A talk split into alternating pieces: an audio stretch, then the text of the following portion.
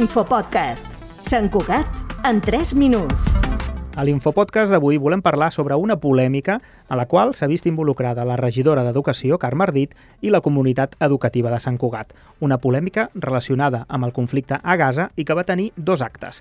Comencem amb el primer, la retirada d'un mural a l'Escola Pins del Vallès. Pau Vázquez, primer de tot, explica'ns els fets. Sí, Albert, tot això va passar un 23 de novembre quan la direcció del Pins del Vallès va decidir retirar un mural de suport a Palestina, petició de l'Ajuntament, diuen per l'odi que podia generar i per no traslladar el conflicte a Sant Cugat. El mural representava un quadre del Guernica, de Picasso, pintat amb els colors de la bandera de Palestina i va néixer fruit d'una iniciativa de l'AFA del centre que, conjuntament amb la direcció del centre, van decidir penjar-lo a una tanca del pati de, de l'escola.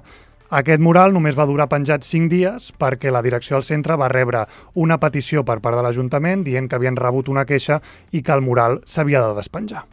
Cugat Mèdia, quan ho vam confirmar, vam publicar la notícia i va causar bastant d'impacte. Sí, tenim per una part la reacció política amb un comunicat de la CUP on es qüestiona la continuïtat de Carme Ardit com a regidora, també un fila X dels comuns on també censuren aquest tipus d'actuació per part de la regidora i tenim una explicació del govern, concretament del tinent d'alcaldia Carles Brugaroles, que és l'únic que hem pogut escoltar sobre aquesta qüestió. Arriben comentaris a la regidoria sobre l'assetjament, un cert assetjament amb algun alumne jueu, etc.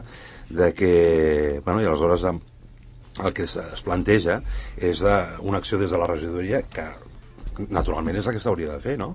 que és de parlar doncs, amb totes les instàncies que tenen competències i, i capacitat per promoure el, doncs, un clima d'entesa, de pau, de diàleg, de, de dir, bueno, de, les coses no són moltes vegades blanc o negre, no?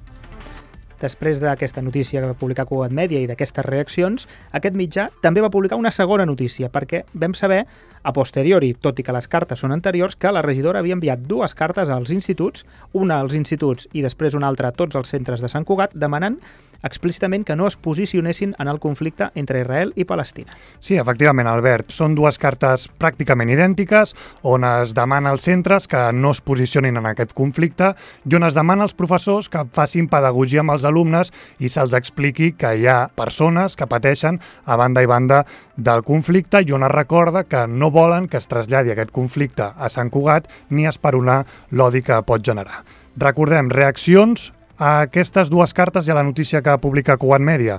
La CUP ja passa de qüestionar a demanar directament la dimissió, la coordinadora d'AFAS, que també considera que és una acció que no és pròpia d'una regidoria, i els comuns que diuen que s'esperaran al ple d'aquest divendres.